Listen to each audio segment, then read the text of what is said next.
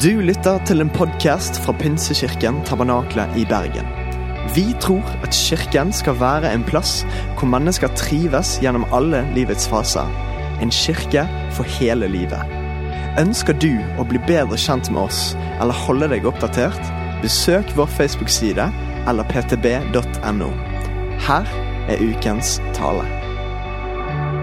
Mange av oss vi har eh, vokst opp eh, kanskje i en tanke på at vi må stålsette oss mot denne onde og fiendtlige verden som vi lever i. Vi ser det på nyheter, vi ser alt det vonde som skjer. Vi eh, oppdager det i gatene med både trafficking og stoff og andre ting. Og eh, det kommer sikkert som et sjokk å innse at vi er ment å elske denne verden og vise medfølelse til den. Litt kanskje annerledes enn eh, de vers vi kanskje tenker på når det gjelder verden. Hvor eh, vi leser da i 1. Johannes 2 f.eks.: Elsk ikke verden, heller ikke det som er i verden. Og så kan vi tenke ja, men motsier Bibelen her seg sjøl? For eh, litt før så sier jo faktisk Gud at han sendte sin sønn til verden. At så høyt elsket Gud verden at han ga sin eneste sønn for at hver den som tror på han, ikke skal gå fortapt, men ha evig liv. Så er, hvorfor denne spennet mellom å ikke elske verden, eller det som er i verden, og på den andre siden så høyt elsket Gud verden at han ga? Og jeg tror det god forklaring på det er at vi snakker om verden på to forskjellige måter. Det er ikke systemet i verden, synden i verden, som også blir betegna som verden eh, i Bibelen. Men eh, når vi snakker om verden i dag, så snakker vi om menneskene i denne verden. De Jesus elsker og ga sitt liv for. Vi ønsker ikke at kristne skal forlate sin tro av noen som helst grunn. Og Derfor er det ikke systemet, verden, vi skal elske, men den verden som nettopp Gud elsker så høyt at han sendte sin sønn for å frelse den, altså menneskeheten.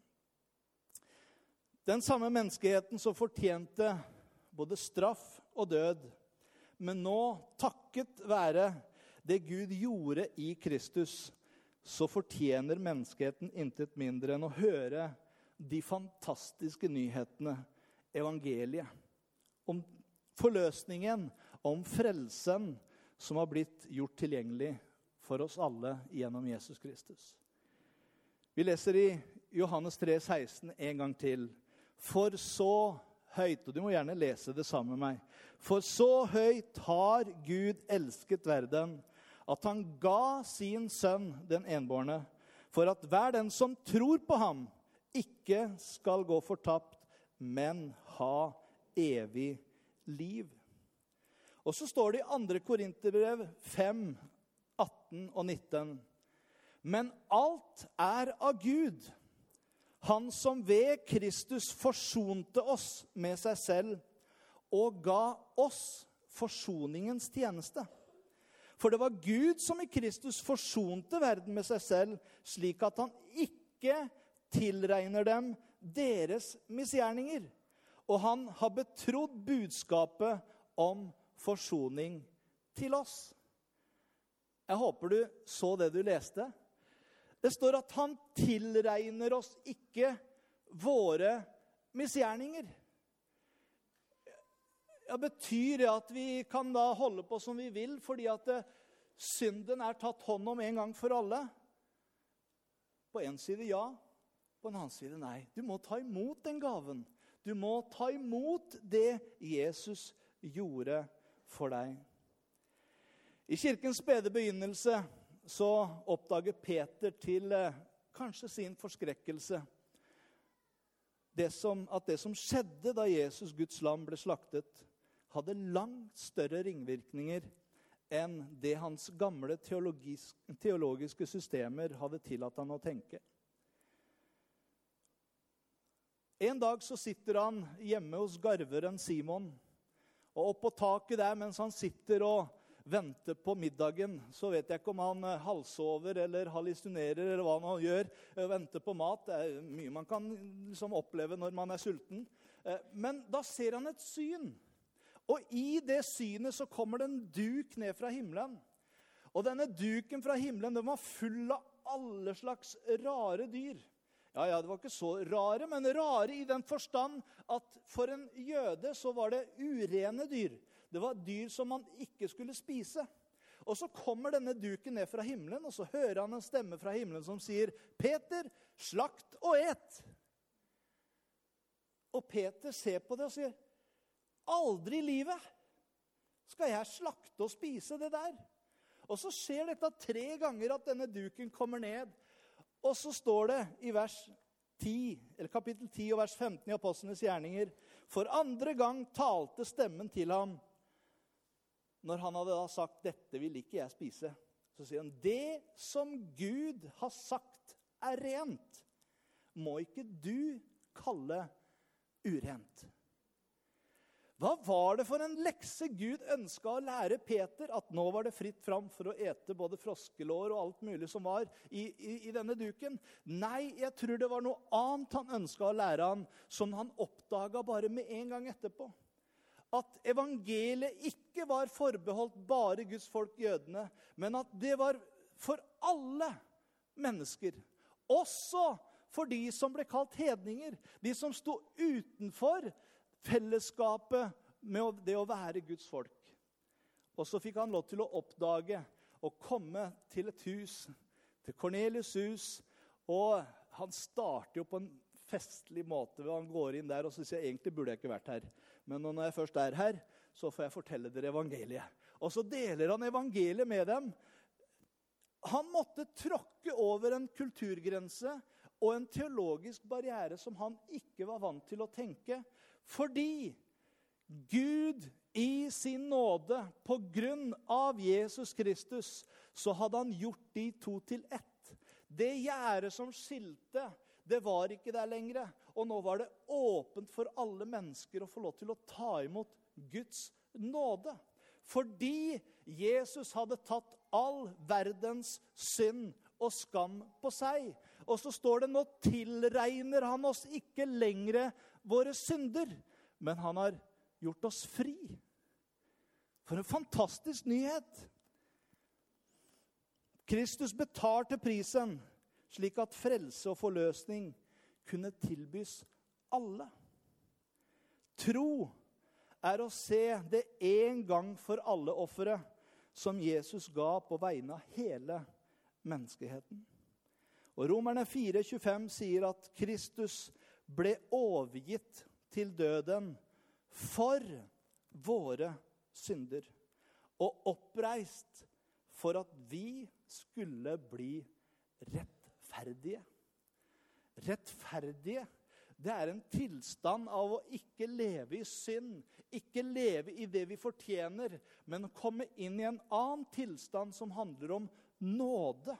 Noe som er ufortjent fordi en annen har tatt straffen. Og Dette var grunnlaget for at Gud sa til Peter at han ikke lenger skulle kalle noe menneske urene. Hva skjedde? Jo, ved Kristi død så ble slike fordømmelser utslettet. Blodet ble utgitt i form av det mest fullkomne offer, det som aldri skulle gjentas. Og gjennom den frikjente Gud menneskeheten, selv om de fortsatt var fiendtlig innstilt overfor ham. Romerne 5,10 så står det videre.: For mens vi ennå var Guds fiender, ble vi forsonet med ham ved hans sønns død. Og når vi er forsonet, hvor mye mer skal vi da ikke bli frelst ved hans liv? Du og jeg vi har fått det ærefulle oppdraget å fortelle mennesker at de er frikjøpt. De er kjøpt fri. Jeg har nevnt det før en gang her. Det uttrykket vi har i Norge med 'frelst', kommer egentlig fra et gammelnorsk ord som betyr frihalset. Eh, og det frihalset, det var sånn når slavene ble satt fri, så hadde jo disse slavene en sånn der, akkurat som en kjede som man har på hunder, omtrent, rundt halsen. Og når disse ble sluppet fri, når de ble kjøpt fri, og nå er du ikke lenger slave, du er en fri mann, så ble denne tatt av. De ble frihalset. De ble frelst. Og jeg synes Det er et fantastisk bilde på hva som skjer når Jesus dør for våre synder. Så er vi ikke lenger syndens trell, men vi har blitt frelst. Vi har blitt frihalset. Vi har blitt satt inn i noe nytt. En nåde over nåde. Ikke misforstå meg. Hver enkelt person må fremdeles komme til Kristus og tro og ta imot Han som Herre og Frelser. Jeg mener ikke at vi alle mennesker allerede er frelst. Det jeg mener, er at takket være Kristi fullkomne frelsesverk, så kan alle mennesker nå ta imot frelsen hvis de kommer til tro på ham. Det er fantastisk å følge Jesus i forhold til dette å nå ut. Jeg har lyst til å si litt om begrep som nåde og sannhet. Vi har kanskje vært vant til at eh, vi først forteller sannheten, og så gir vi nåde. Men når Jesus var her på jorda, så hadde han ikke noe problem med å ta kontakt med denne ødelagte, falne og syndige verden uten å inngå kompromisser. Han var den aller helligste personen som noen gang har levd. Og likevel så hadde han et uanstrekt kontakt med mennesker som hadde noen av kanskje de verste sosiale merkelappene på seg. Toller og synderes venn ble han kalt. Og blant de som han følte seg komfortable med, var både prostituerte, syke mennesker som ble kasta utafor. De elska han og hadde fellesskap med. Og Hver eneste gang Jesus samhandlet med mennesker, så var det tydelig at han først omfavna dem med nåde. Og Selv om samfunnet kanskje hadde fordømt deres synd, deres dårlige valg, deres sykdommer eller tilstand, så møtte Jesus dem med nåde. Og Senere så formidlet han sannhet til dem. Han hoppet ikke over sannheten. Det var et viktig poeng. Men det var viktig for han at de først og fremst opplevde seg sett, og at det var nåde.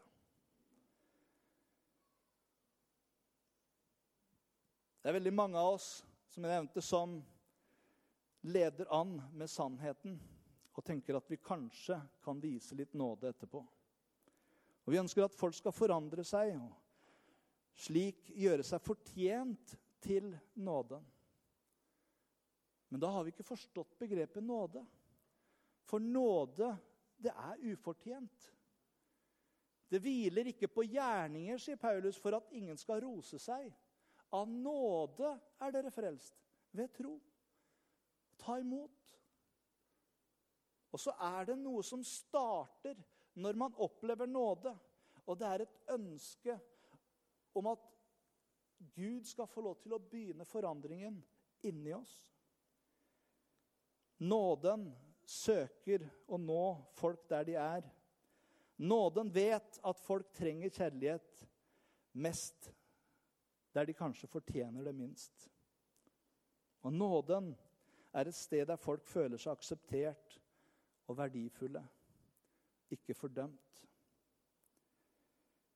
Tenk at du og jeg får lov til å være bærere av den nåde. Vi bærer dette herlige budskapet om Guds kjærlighet til menneskeheten. Vi må bygge opp et miljø også her i vår kirke der folk føler seg trygge nok til å høre den sannheten som kan sette dem fri. Slike miljøer de oppstår når de først blir møtt med nåde. Og ordet ble menneske og tok bolig iblant oss, sier Johannes. I en engelsk oversettelse står det 'flytta inn i nabolaget'. Jeg syns den er veldig fin. Og vi så hans herlighet, den herlighet den enbårne sønn har fra sin far. Og legg merke til rekkefølgen her. full av nåde og sannhet. Nåde først, og så sannhet. Og Johannes 1, 14 så står det for loven ble gitt ved Moses. Nåden og sannheten kom ved Jesus Kristus. Legg igjen merke til rekkefølgen. Det står ikke 'sannheten og nåden', men det står 'nåden og sannheten'. Jeg tror mennesker først trenger å møte nåden, og så sannheten. Da Jesus snakket med den samaritanske kvinne, som vi faktisk har hatt med i alle tre talene, eh, fra den første og også forrige søndag, så ser vi denne kvinnen ved brønnen i Johannes kapittel 4. Så sier han at hadde hun kjent Guds sjenerøsitet, hadde hun kjent Guds gave, så hadde hun bedt han, og han skulle gitt henne levende vann. Han skaper en atmosfære av trygghet. Han skaper ikke fordømmelse, noe som kanskje ville vært vanlig i denne situasjonen. For denne kvinnen blir overraska at en mann taler med henne. At en jødisk mann taler med henne, som er en samaritansk kvinne. Og hadde han endatil visst hva slags kvinne hun var, så hadde hun i hvert fall ikke snakka med henne. Men så opplever hun en som møter henne som den personen hun er. Og så blir hun nysgjerrig på hva er det han har. Først så skapte han en forståelse av at hun var invitert inn i Guds nåde ved å fortelle henne at Guds sjenerøsitet også var noe hun kunne få. Det levende vannet som kunne strømme ut fra hennes liv. Og Først etter at Jesus hadde slått fast at Guds kjærlighet var tilgjengelig for henne, rettet han oppmerksomheten mot hennes ødelagte liv. Og hun svarte som kanskje du og jeg ville ha svart. Når det blir litt touchy, så liker vi å gå andre veien, og så snakker vi litt religion isteden. Det er litt enklere å snakke religion enn å snakke kristenliv. Jeg hadde et intervju for ikke så lenge siden i BA, og da var det tydelig at de ville gjerne snakke litt religion. Men jeg sa at da har du kommet til feil person, for jeg er ikke veldig religiøs. Men hvis du vil snakke om Jesus, så kan vi snakke sammen, for jeg er en kristen. Ja, Men hva er forskjellen på det, da, sier han. Jo, religion sa jeg, det er det mennesket gjør for å blidgjøre Gud. Kristenliv det er hva han gjorde for at vi skulle komme til han. Det er å snu det hele på hodet. Det er det som er den store forskjellen. Og det er det Jesus møter også denne kvinnen med. Så når hun naturlig, som alle andre, vil begynne å snakke om religion Hvor er det riktig at vi skal tilbe? Er det i Garrisim eller er det i Jerusalem? Dere sier det, og vi sier det. Og så snur bare Jesus hele samtalen tilbake på track igjen. Og så sier han det er ikke så viktig det om det er der eller her. For de sanne tilbedere de tilber nå Faderen i ånd og sannhet. For det er slike tilbedere Faderen vil ha. Og så er han tilbake igjen der hvor han sier, 'Kan du ikke gå og hente din mann?' Så sier hun, 'Jeg har ingen mann.' 'Der talte du sant', sier han. Han kunne ha vridd oss og 'Hæ? Har du ikke noen mann?' Du, du som har hatt fem stykker, og så sier du at du ikke har noen mann. Men legg merke til nådeaspektet i hele måten som Jesus møter henne på. Så det talte du sant. For du har hatt fem menn, og den mannen du nå har, er ikke din mann. Og Da legger denne kvinnen fra seg noe, for hun oppdager at denne mannen han må være en profet eller noe mer enn det. Og så løper hun ikke fordi hun er redd. Men hun løper av begeistring tilbake inn i byen Sykar og forteller 'Kom og se! En som har fortalt meg alt jeg er.' Skulle ikke han være Messias? En person som føler seg fordømt, en person som føler seg nedtrykt, vil aldri vende tilbake og fortelle andre 'Kom og se en mann'. Men hun opplevde noe i Jesus og hans nåde som gjorde at hun fikk lov til å invitere flere inn i dette fellesskapet. Og Hun la være å avvise henne eller la seg dra inn i en debatt. Og ved å rekke Guds nåde til denne kvinnen så klarte Jesus å flytte henne fra fiende til etterfølger i løpet av en kort samtale. I historien om kvinnen som ble grepet på fersk gjerning i ekteskapsbrudd, så ser vi igjen hvordan Jesus først viste nåde, og deretter delte sannheten. Jeg skal ikke ta hele programmet eller alt det som skjedde. Man kan jo lure på, Hvis man forstår loven, så skulle jo både mannen og kvinnen stilles for rett. Det var det som loven sa. Og begge skulle steines fordi man hadde begått ekteskapsbrudd. Men de kommer draende med kvinnen fram til Jesus og sier, 'Loven sier, hva sier du?' Og Jesus skjønte dette gjør de for å sette meg på prøve. Men Guds ånd var over han, og jeg tror Guds ånd ga han visdom til å forstå hva han skulle si. Og så snur hele vendinga, og de får svar ifra Jesus. Det er sant, det dere sier. Legg merke til at han liksom tar ikke verken avstand eller Han vet hva loven sier. Men så ser han på disse mennene som står der klar med steinene for å dømme denne kvinnen. Og så sier han, 'Den av dere som er uten synd' kan begynne å kaste. Og Så bøyer han seg ned igjen og så fortsetter han å skrive. Og Mange lurer på hva han har skrevet for noe der. Det skal jeg ikke ta noe, for det står det ingenting om. Men jeg tror han ga dem tid til å reflektere. Og jeg tror Guds ånd var der og overbeviste hver eneste en av dem. Hvem er jeg til å kaste den første steinen? Jeg er jo ikke ren. Og så står det noe interessant. Da gikk de alle, de eldste, først så trenger du ikke å lage en svær teologi på det, annet enn at de eldste var eldst. De hadde rekt å synde lengst. Og Så står kvinnen alene igjen. Og så sier Jesus, 'Har ingen fordømt deg?' Nei, sier hun. Og Legg merke til at Jesus kunne løfta stenen og kasta den. For han var den eneste uten synd. Men så sier Jesus, 'Heller ikke jeg fordømmer deg'. Og så kommer sannheten.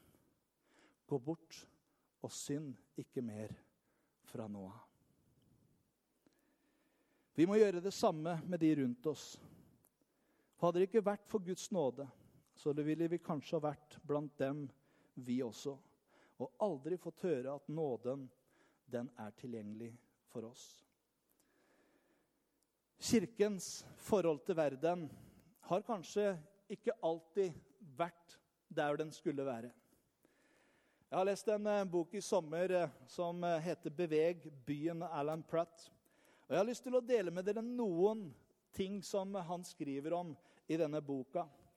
I forhold til måter som kanskje menigheten har agert eller reagert i forhold til samfunnet. I årenes løp og rundt på kloden så har Kirken nærmet seg begrepet verden på ulike måter. På den ene ytterkanten så finner vi kloster eller amish-samfunn, der tanken det er å trekke seg bort fra verden i så stor grad som mulig.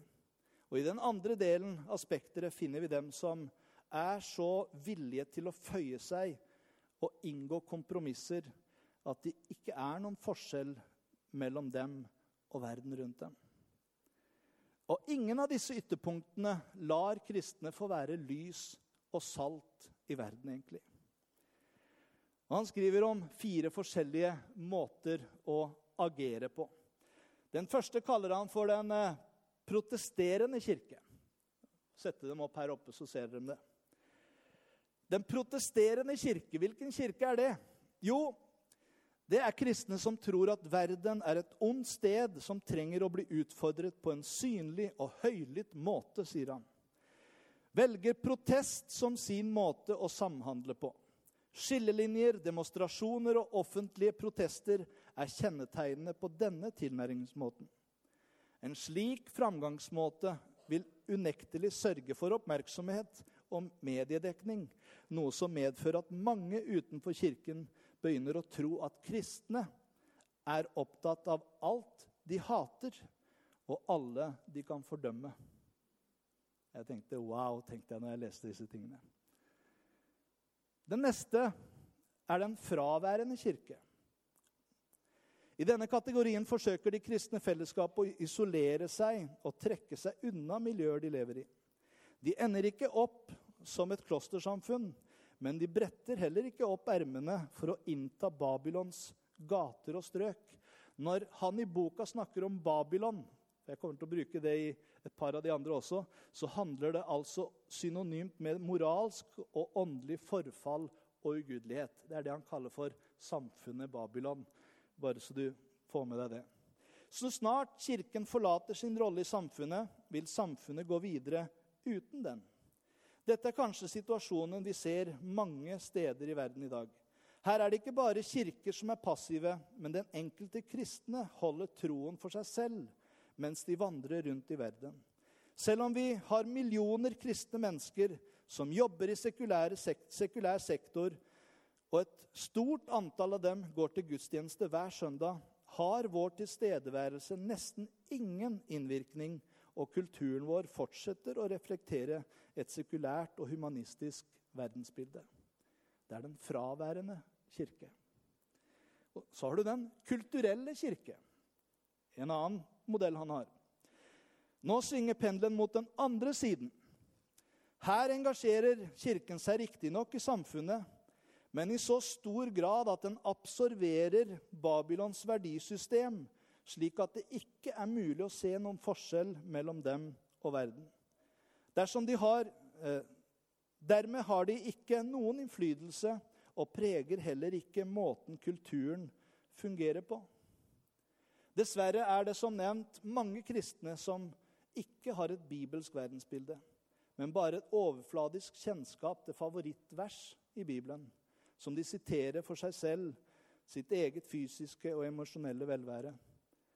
Hvis en menighet stort sett består av slike umodne kristne, ønsker de kanskje ikke å representere troen offentlig, spesielt hvis det kan gjøre det ubehagelig for noen eller resultere i eller en eller annen form for utfordring eller forfølgelse for den troende. Denne begrensede og fragmenterte demonstrasjonen av livet i Kristus har resultert i at troende og menigheter i praksis aksepterer sekulærhumanismens syn på alle praktiske områder som har med økonomiske, offentlige og sosiale funksjoner å gjøre. Og så snakker han om den som vi bør være og tar et bilde av Jesus-modellen. Og han kaller det for den inkarnerte kirke. Dette er den tilnærmingen vi ønsker at alle menigheter rundt om i verden skal ha.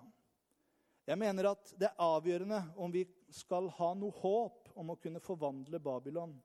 Dette innebærer at Kirken engasjerer seg helhjertet i verden fra sitt ståsted i verden. Som regel prøver menighet, menigheten å finne et oppdrag og deretter be Gud velsigne det. Den inkarnerte framgangsmåten for å forvandle samfunn og byer anerkjenner imidlertid at Gud allerede har en plan, og at han allerede er til stede i verden, og at han inviterer Kirken til å stå sammen med ham og gjennomføre denne planen. Å delta i det oppdraget er å være med på å leve Guds kjærlighet ut til folket. Selve kjernen i denne tilnærmingen er det vi så i Jesu liv og tjeneste. Han sto ikke utenfor kulturen mens han fordømte den og ventet at den skulle endres. Han skjulte heller ikke sin egenart, så ingen skulle vite at han var annerledes, og at han hadde en relasjon med Gud. Han kom i vår verden og, for, og vandret iblant oss. Men han gjorde det på en måte som viste at han var opptatt av Guds hensikt. Og ved å vise nåde før sannhet, det er den tilnærmingen vi må adoptere, sier Alan Platt. Jeg elsker denne definisjonen av disse forskjellige. Og Kanskje du kjenner deg igjen i ditt liv eller som kirke hvor man er en i forhold til dette. Jeg har lyst til å bare vise deg de forskjellige sfærene som vi snakker om i forhold til hvordan vi kan være med og gjøre noen forskjell. Han snakker om åtte sfærer her, hvor Kirken er i midten, og hvor de andre står rundt. Og han viser disse sfærene vi skal være med å påvirke. Næringsliv, utdannelse, idrett, offentlig sektor, media, kommunikasjon, kunst, kultur og myndigheter. Og Når disse sfærene fungerer bra, så danner de grunnlaget for et sunt samfunn. Når vi får lov til å være med å prege disse forskjellige sfærene i byen vår, så vil vi oppleve at de kan deles inn i fire fokusområder som vi kan kalle sunn åndelighet, sunn mentalitet, sunn produktivitet og sunt livsstil. For at kristne skal ha innflytelse i hver sfære av kulturen, som salt og lys, som vi har kalt det å være, så må vi troende lære å tenke på en Kristus-sentrert måte og formulere livsgivende prinsipper på et språk som de forstår. Og Det er flott å ha kristne mennesker i innflytelsesrike posisjoner, men vi trenger flere kristne som tenker i de baner. Som tenker at det er ingen tilfeldighet at jeg er i den jobben jeg er i. Der har jeg et ansvar. Å være med og infiltrere den med bibelske verdier, med mine verdier. Og Derfor skal vi ikke være stille der Gud har sagt oss, men han har satt oss i de stedene vi er, med en hensikt å være med å løfte fram Guds rikes tanke der vi er. I Jesu ypperste prestelige bønn så ber han noe som er viktig. Han sier at vi er, de er i verden, men de er ikke av verden. Og mange ganger så kan vi tenke å, hvis bare Herren kom igjen snart, så vi slapp å være i denne verden. Men så sier Jesus, 'Jeg vil ikke at du skal ta dem ut av verden.' Men jeg vil at du skal bevare dem fra det onde.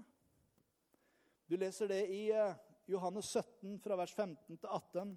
Jeg ber ikke om at du skal ta dem ut av verden, men at du skal bevare dem fra det onde. De er ikke av verden, slik jeg heller ikke er av verden. Hellige dem i sannheten.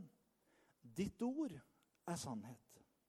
Som du har sendt meg til verden, har jeg sendt dem til verden. Og Det er viktig når vi tenker på den verden vi lever i, at vi skal ikke ta opp deres system og syndige system, men vi kan få lov til å være der som legedom. Vi kan få lov til å være der som Guds system, Guds verdier, og få lov til å være med å løfte fram den inn i det samfunnet som vi lever i. I misjonsbefalingen i Markus 16, 15 så sier Jesus Gå ut til hele verden og forkynne evangeliet for alt Gud har skapt. Og Dette prinsippet bak den inkarnerte tilnærmingsmetoden Hvis de ser at vi er til stede, at vi er annerledes, så vil dette systemet, eller Babylons rike, som Alan Pratt kaller det, innbyggerne kanskje ønske å være der vi er. Men hvis de ikke ser oss, så kan de heller ikke være som oss eller bli som oss. Vi må fordype oss inn i kulturen, i verden, men ikke være en del av den. Så hvordan er det da mulig? Det starter med en dyp forståelse og forløsning i frelsen i ditt eget liv. Og Det fører til oppdagelsen av at Gud ønsker å virke i oss og gjennom oss. Og Vi oppdager gleden av å få lov til å leve for noe som er større enn oss selv. Vi blir motivert av medfølelse for mennesker, med ny lengsel etter å møte behovene fra kulturen vår ved å gi av vår tid, våre evner og verdenssette det Gud har betrodd oss. Når vi begynner å leve for noe som er mer enn oss selv, så oppdager vi at vi er en del av Guds agenda. Guds oppdrag i verden. Og Når vi ser ham virksom på mange måter, på mange ulike steder og rom, så ser Jesus ut til å være overalt. Og når vi virkelig er overbevist om at Jesus Kristus er herre over alle ting, så forvandler det også vårt daglige liv. Og det starter med oss.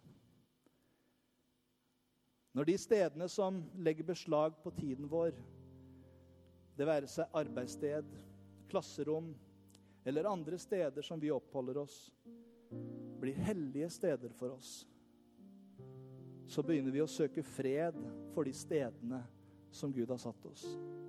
Sånn som det står i Jeremia 29, 7. Søk fred for den byen dere er bortført til, og be til Gud for den. For når det går den vel, skal dere ha fred. Vi tjener, vi elsker, vi velsigner, og deretter bønnfaller vi hver eneste person om å la seg forlike med Gud. Hvordan skal de bli kjent med Gud? Jo, gjennom deg og meg. Jeg har lyst til å slutte med det som står i Jesaja 6, 8.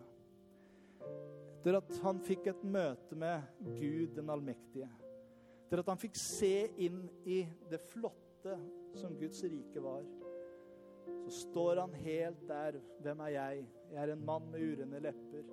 Jeg bor blant et folk med urene lepper, og mine øyne har sett din herlighet. Så hørte han en stemme fra himmelen som sa, 'Hvem skal jeg sende?' Og hvem vil gå for oss? Og Jesaja sier, 'Se, her er jeg. Send meg.' Og det er utfordringen til hver eneste en av oss. Og så må Herren sende oss hvor han vil. Om det er til arbeidsplassen vi er en del av, om det er i butikken i gata, om det er i gågata, om det er til Afrika, om det er til Sør-Amerika, om det er til Asia, eller hvor det måtte være.